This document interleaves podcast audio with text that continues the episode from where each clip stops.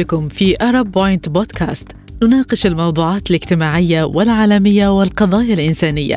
وأيضا سنناقش السياسة ونحلل الوضع الاقتصادي في العالم وسنتحدث عن الإنجازات في العلم والثقافة. ستغمرك كل قضية في موضوع جديد مثير للاهتمام. معكم في الاستوديو دعاء ثابت.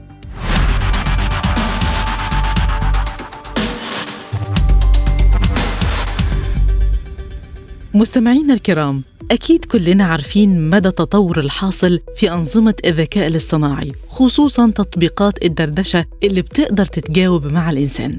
التطور الكبير اللي حاصل في الذكاء الاصطناعي بيجلب الاهتمام خصوصا قدرته على إنه يقدم أجوبة فيها نسب من الدقة.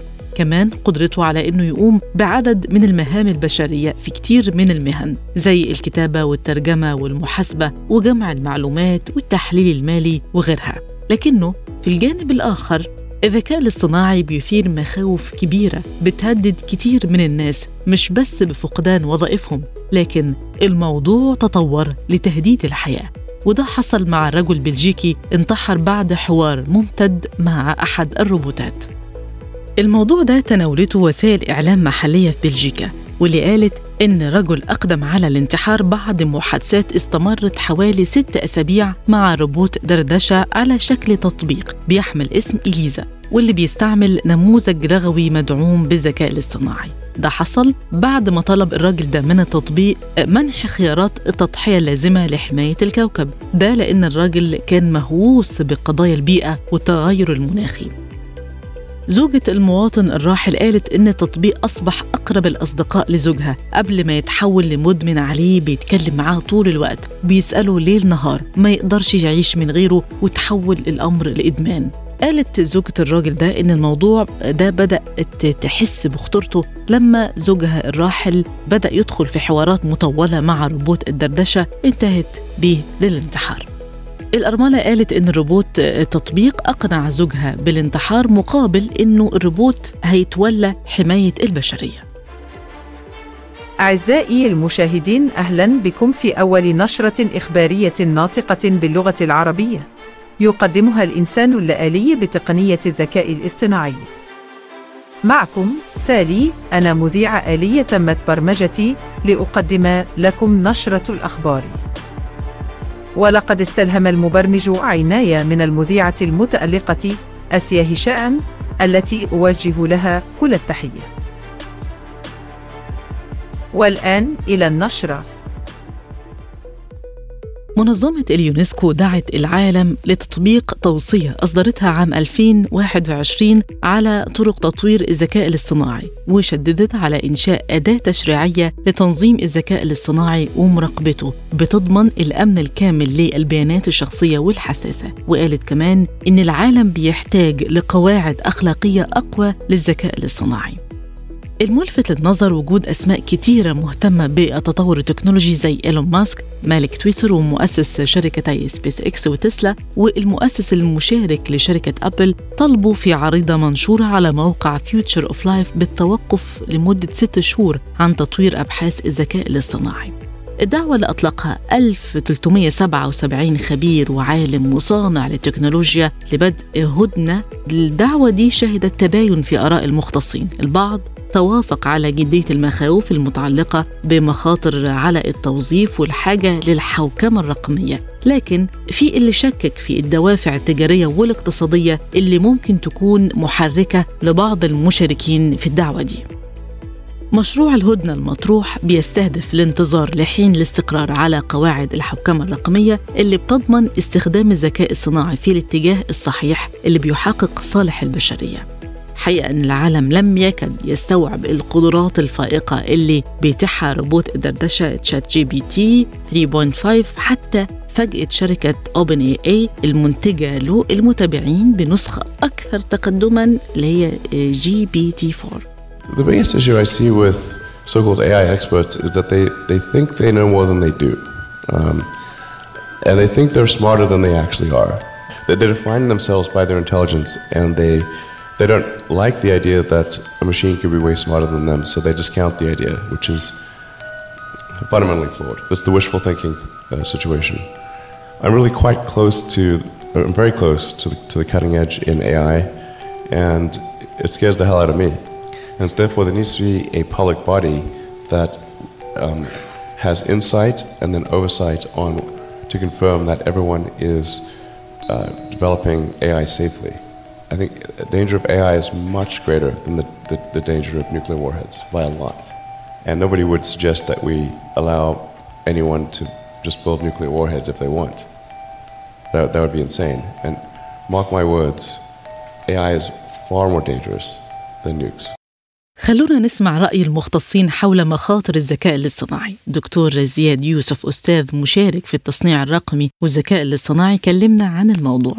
آه، بخصوص ابحاث الذكاء الاصطناعي وإيقافها لمدة ستة أشهر، حقيقة هذا هذا حل غير فعال وغير واقعي. ولا يمكن إيقاف البحوث، لكن عودة عودة على الأسباب أو الآثار الجانبية لاستخدامات آه، الذكاء الاصطناعي هذه الأيام، الذكاء الاصطناعي كتقنية لا يوجد فيها مشكلة ويمكن استمرار تطويرها، المشكلة تكمن في البيانات التي يستخدمها الذكاء الاصطناعي لإعطائنا أجوبة، لأن الذكاء الاصطناعي هو عبارة عن خوارزميات كثيرة وتقنيات تحليل. تأخذ كميات كبيرة جدا من البيانات وتقوم بتحليلها وبعد ذلك تعطينا الجواب، مثلا عندما تتحاورين مع ChatGPT وتسأليه سؤال سيشتق جواب سيقوم بتحليل بيانات ويخرج بذلك آه، بجواب معين ويرسله إلى المستخدم كجواب. هذه الأجوبة مثلا التي دفعت للأسف المواطن البلجيكي إلى إلى الانتحار هذه الأجوبة جاءت من بيانات. فالمشكلة في البيانات وهنا علينا أن نسأل نفسنا هل هي بيانات صحيحة؟ هل هي دقيقة؟ هل تمت مراجعتها؟ هل توجد قوانين محددة لهذا الأمر؟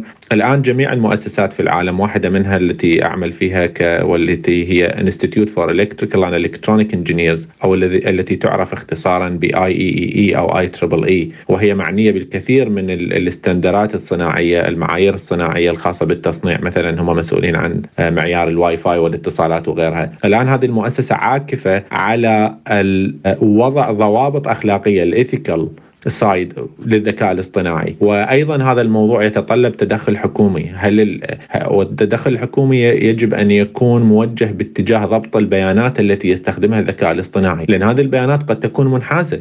قد تكون منحازة ضد المرأة قد تكون منحازة ضد عرق معين ضد دين معين بناء على وفرتها. ولا نعرف هل هذا الانحياز انحياز طبيعي أم هو انحياز مقصود. وهل هذه البيانات هي بيانات طبيعية أم هي بيانات مقصودة أنه تكون منحازة. ولهذا الخطر الكامن الآن هو في البيانات التي يستخدمها الذكاء الاصطناعي. وعودة على سؤالك هل الست هل إيقاف البحث؟ بالعكس يجب أن نستمر بالبحث العلمي ويجب أن نستمر بتطوير التقنيات اللازمة لمعالجة البيانات قبل إدخالها إلى الذكاء الاصطناعي. آه، البعض يرى أن الحل يكمن في منع تطوير أنظمة الذكاء الاصطناعي ومعاقبة من ينتهك هذا الحظر. أنا لست مع المنع ولكن مع التقييد. يجب أن يكون تقنيات مقيدة لأنه المجتمع غير مهيئ غير مهيئ بالكامل لاستخدامها. يحتاج إلى وقت نحتاج إلى نعرف ونقدم تقنيات الذكاء الاصطناعي ابتداء من المدارس الابتدائية لأطفالنا ثم إلى الأطفال في المدارس المتوسطة والإعدادية وصولا إلى الجامعات والشباب اللي في الجامعات على الاستخدام الآمن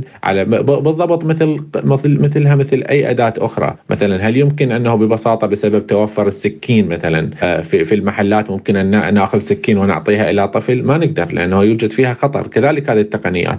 فأما هل يتسبب بفناء البشرية؟ لا لا هذه مبالغات مبالغات كثيرة لأنه لكن هو قد يتسبب بفوضى عارمة كبيرة بسبب الاعتماد المبالغ بالآن من قبل طلبة الجامعات مثلا يحاولون استخدام ChatGPT لحل مسائلهم وواجباتهم وتقديمها وهذا شيء مخالف للأخلاق. ولهذا كما قلت على الحكومات والآن أنا متأكد ضمنها حكومات عربية كثيرة ومهندسين عرب مشتركين في موضوع ال ethical issues للذكاء الاصطناعي ولكن نحتاج إلى تكثيف البحث في هذا الجانب والعناية الكبيرة جدا بالبيانات التي يستخدمها الذكاء الاصطناعي. خلونا كمان نسمع رأي أستاذ الإعلام الرقمي الدكتور غسان مراد حول مخاطر الذكاء الاصطناعي. لا داعي للهلع من الذكاء الاصطناعي. هي برمجيات موجودة وعلينا أن نتعامل معها على أنها موجودة أولا. آه ثانيا آه يعني لست متأكدا أن يكون الحديث مع الروبو هو من أدى إلى آه انتحار هذا الشخص. يعني يجب يجب متابعة هذا الموضوع لنعرف يعني شو الخلفيات عند هذا الشخص. لماذا انتحر؟ هذا موضوع آخر. ولكن الذكاء الاصطناعي من المفترض أن نتعامل معه بروية وأن نفهم ماذا يحصل وهو لن يعني تتخطى الفكر الإنساني هي برمجيات يعني يقوم بها المبرمج وهو ما يؤدي إلى ماذا؟ ما يؤدي إلى أن أن تكون يعني آه، حسب الاستخدام إن كان بشكل سيء أو إن كان بشكل آه، جيد يعني. آه، أنا ما بحط الحق على الذكاء الاصطناعي بقدر ما بحط الأمور تتعلق بمن يبرمج هذه البرمجيات طبعا المفترض تنقيب عن عن يعني أخلاقيات للذكاء الاصطناعي. أن تتكفل الدول والشركات المصنعة في كيفية استخدام الذكاء الاصطناعي آه، وأن يكون هناك ثقافة رقمية آه، عند الأطفال آه، لكي لا تقع في مطبات البرمجيات الذكاء الاصطناعي. نحن في مرحلة ثورة داخل الثورة ولكن علينا أن نفهم ماذا نحصل ماذا يحصل لكي لا نقع في هذه المطبات. أما عن الدعوة لهدنة من تطوير أنظمة الذكاء الاصطناعي ده كان رأي دكتور غسان. يوحي بال... بال... يوحي بال... بالخطأ بالخطر من عدم فهم ماذا يحصل. ولكن ارم ماسك عندما تحدث عن هذا الموضوع من فترة أربعة أيام تقريبا هو كان في اجتماع لتطوير الذكاء الاصطناعي لسيارات تسلا. هو يعني يعني كان يطلب هو حفاظا على الأمن القومي آه، كما يعني قيل وعلى التعليم. بناء تشريعات للذكاء الاصطناعي ان نفتش يعني ماذا كيف كيف سنقوم ببناء يعني ميثاق للذكاء الاصطناعي. آه، ف ومن المحتمل يعني هو متذبذب في ارائه على كل الأحوال الم ماسك. من المحتمل بعد أسبوع أن يقول العكس يعني أنه علينا أن نطور برمجيات الذكاء الاصطناعي. المشكلة أنه المهم يعني أن الدول أن أن أن ليس فقط أن تبني هذه يعني الميثاق للذكاء الاصطناعي العبرة هي في تنفيذ آه، المعايير والبحث عن قوانين. في أوروبا مثلا حاليا بالمفوضية الأوروبية بدأوا بناء ميثاق للذكاء الاصطناعي.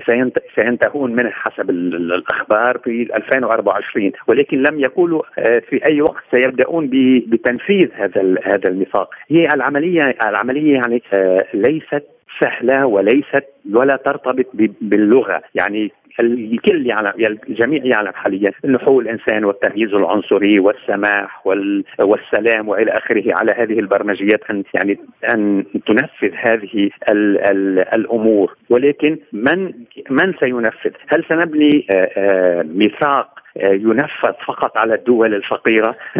ونحن في مرحلة الحرب العالمية حاليا الرقمية. نحن في مرحلة الإمبريالية الرقمية. يعني هي الحرب بين الصين وأمريكا حاليا هي حرب رقمية ترتبط بكيفية بناء برمجيات للذكاء الاصطناعي ومن سيسيطر على بناء هذه البرمجيات لكي يتحكم بالبيانات. ومن يتحكم بالبيانات؟ لأنه الذكاء الاصطناعي هي مجموعة من البيانات آه، والبرمجيات تتعلم بشكل تتعلم بشكل آلي من هذه البيانات، من يتحكم هو من آه، سيمتلك السلطة لأنه السلطة في المعرفة والسلطة في كيفية استخدام هذه البرمجيات. كمان في خبير حذر من إمكانية تسبب أنظمة الذكاء الاصطناعي في موت جميع البشر وأكد أن حظر تطويرها ومعاقبة من ينتهك هذا الحظر هما الطريقة الوحيدة لإنقاذ البشرية من الانقراض. الخبير ده بيقول إن النجاة من مواجهة مع نظام كمبيوتر لا يهتم بالبشر بشكل عام بتتطلب الدقة والإعداد والرؤى العلمية الجديدة اللي بتفتقر إليها البشرية في الوقت الحالي ومن غير المرجح أن تحصل عليها في المستقبل المنظور.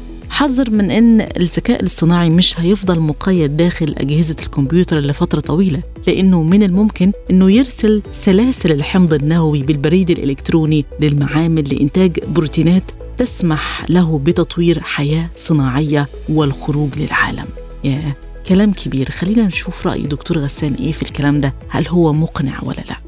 لا لا غير واقعي حاليا مثل ما نقول عن القنبلة النووية حاليا هي موجودة بيد أشخاص. يعني هذا الشخص هو من يحرك هذه القنبلة. هو بنفس الشيء لا يقوم. نحن نبرمج. هذا الذكاء برمجيات الذكاء الاصطناعي عندما نسحب فيش الكهرباء هي ستتوقف عن العمل. هي يعني هي هي تقوم بالسلوك الذكي. هي لا تفكر. هي تقوم بما يفكر به البشر. يعني إذا كان يوجد من النوع الناس يعني من كما أقول يعني مفكرين من البشر يريدون أن есть. يتخلصوا من العالم نهائيا من المحتمل أن يصنعوا هكذا برمجيات. ليس الذكاء الاصطناعي بحد ذاته يعني الروبوتات هي لن تتحكم هي بالبشر بقدر ما هو ما هي ما البشر سيتحكموا بالروبوتات في في الروبوت بتسييرها بما يتناسب مع البشر. هو الاستخدام الذي يحدد السلطة وليست هي البرمجيات بحد ذاتها. يعني هو لن يقوم بذاته بعملية البرمجة والقضاء على الإنسان وإرسال السم وإلى آخره.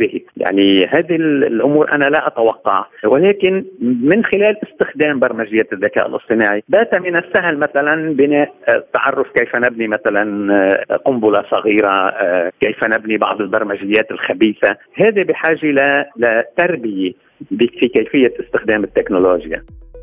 في ظل التطور الكبير اللي بيشهده العالم في مجال الذكاء الاصطناعي. آه، المفوض السامي لحقوق الإنسان أصدر تحذير من قدرة هذه الخوارزميات على إلحاق الضرر بحقوق الإنسان وكرامته بشكل كبير. ولازم الحكومات والشركات إن هي تطور سريعا محاذير فعالة. في النهاية بشكركم وبشكر ضيوفي لحلقة اليوم الدكتور زياد يوسف أستاذ مشارك في التصنيع الرقمي والذكاء الاصطناعي والدكتور غسان مراد أستاذ الإعلام الرقمي. وبكده خلصت حلقة اليوم من Arab Point بودكاست اشترك اعمل لايك واكتب تعليق.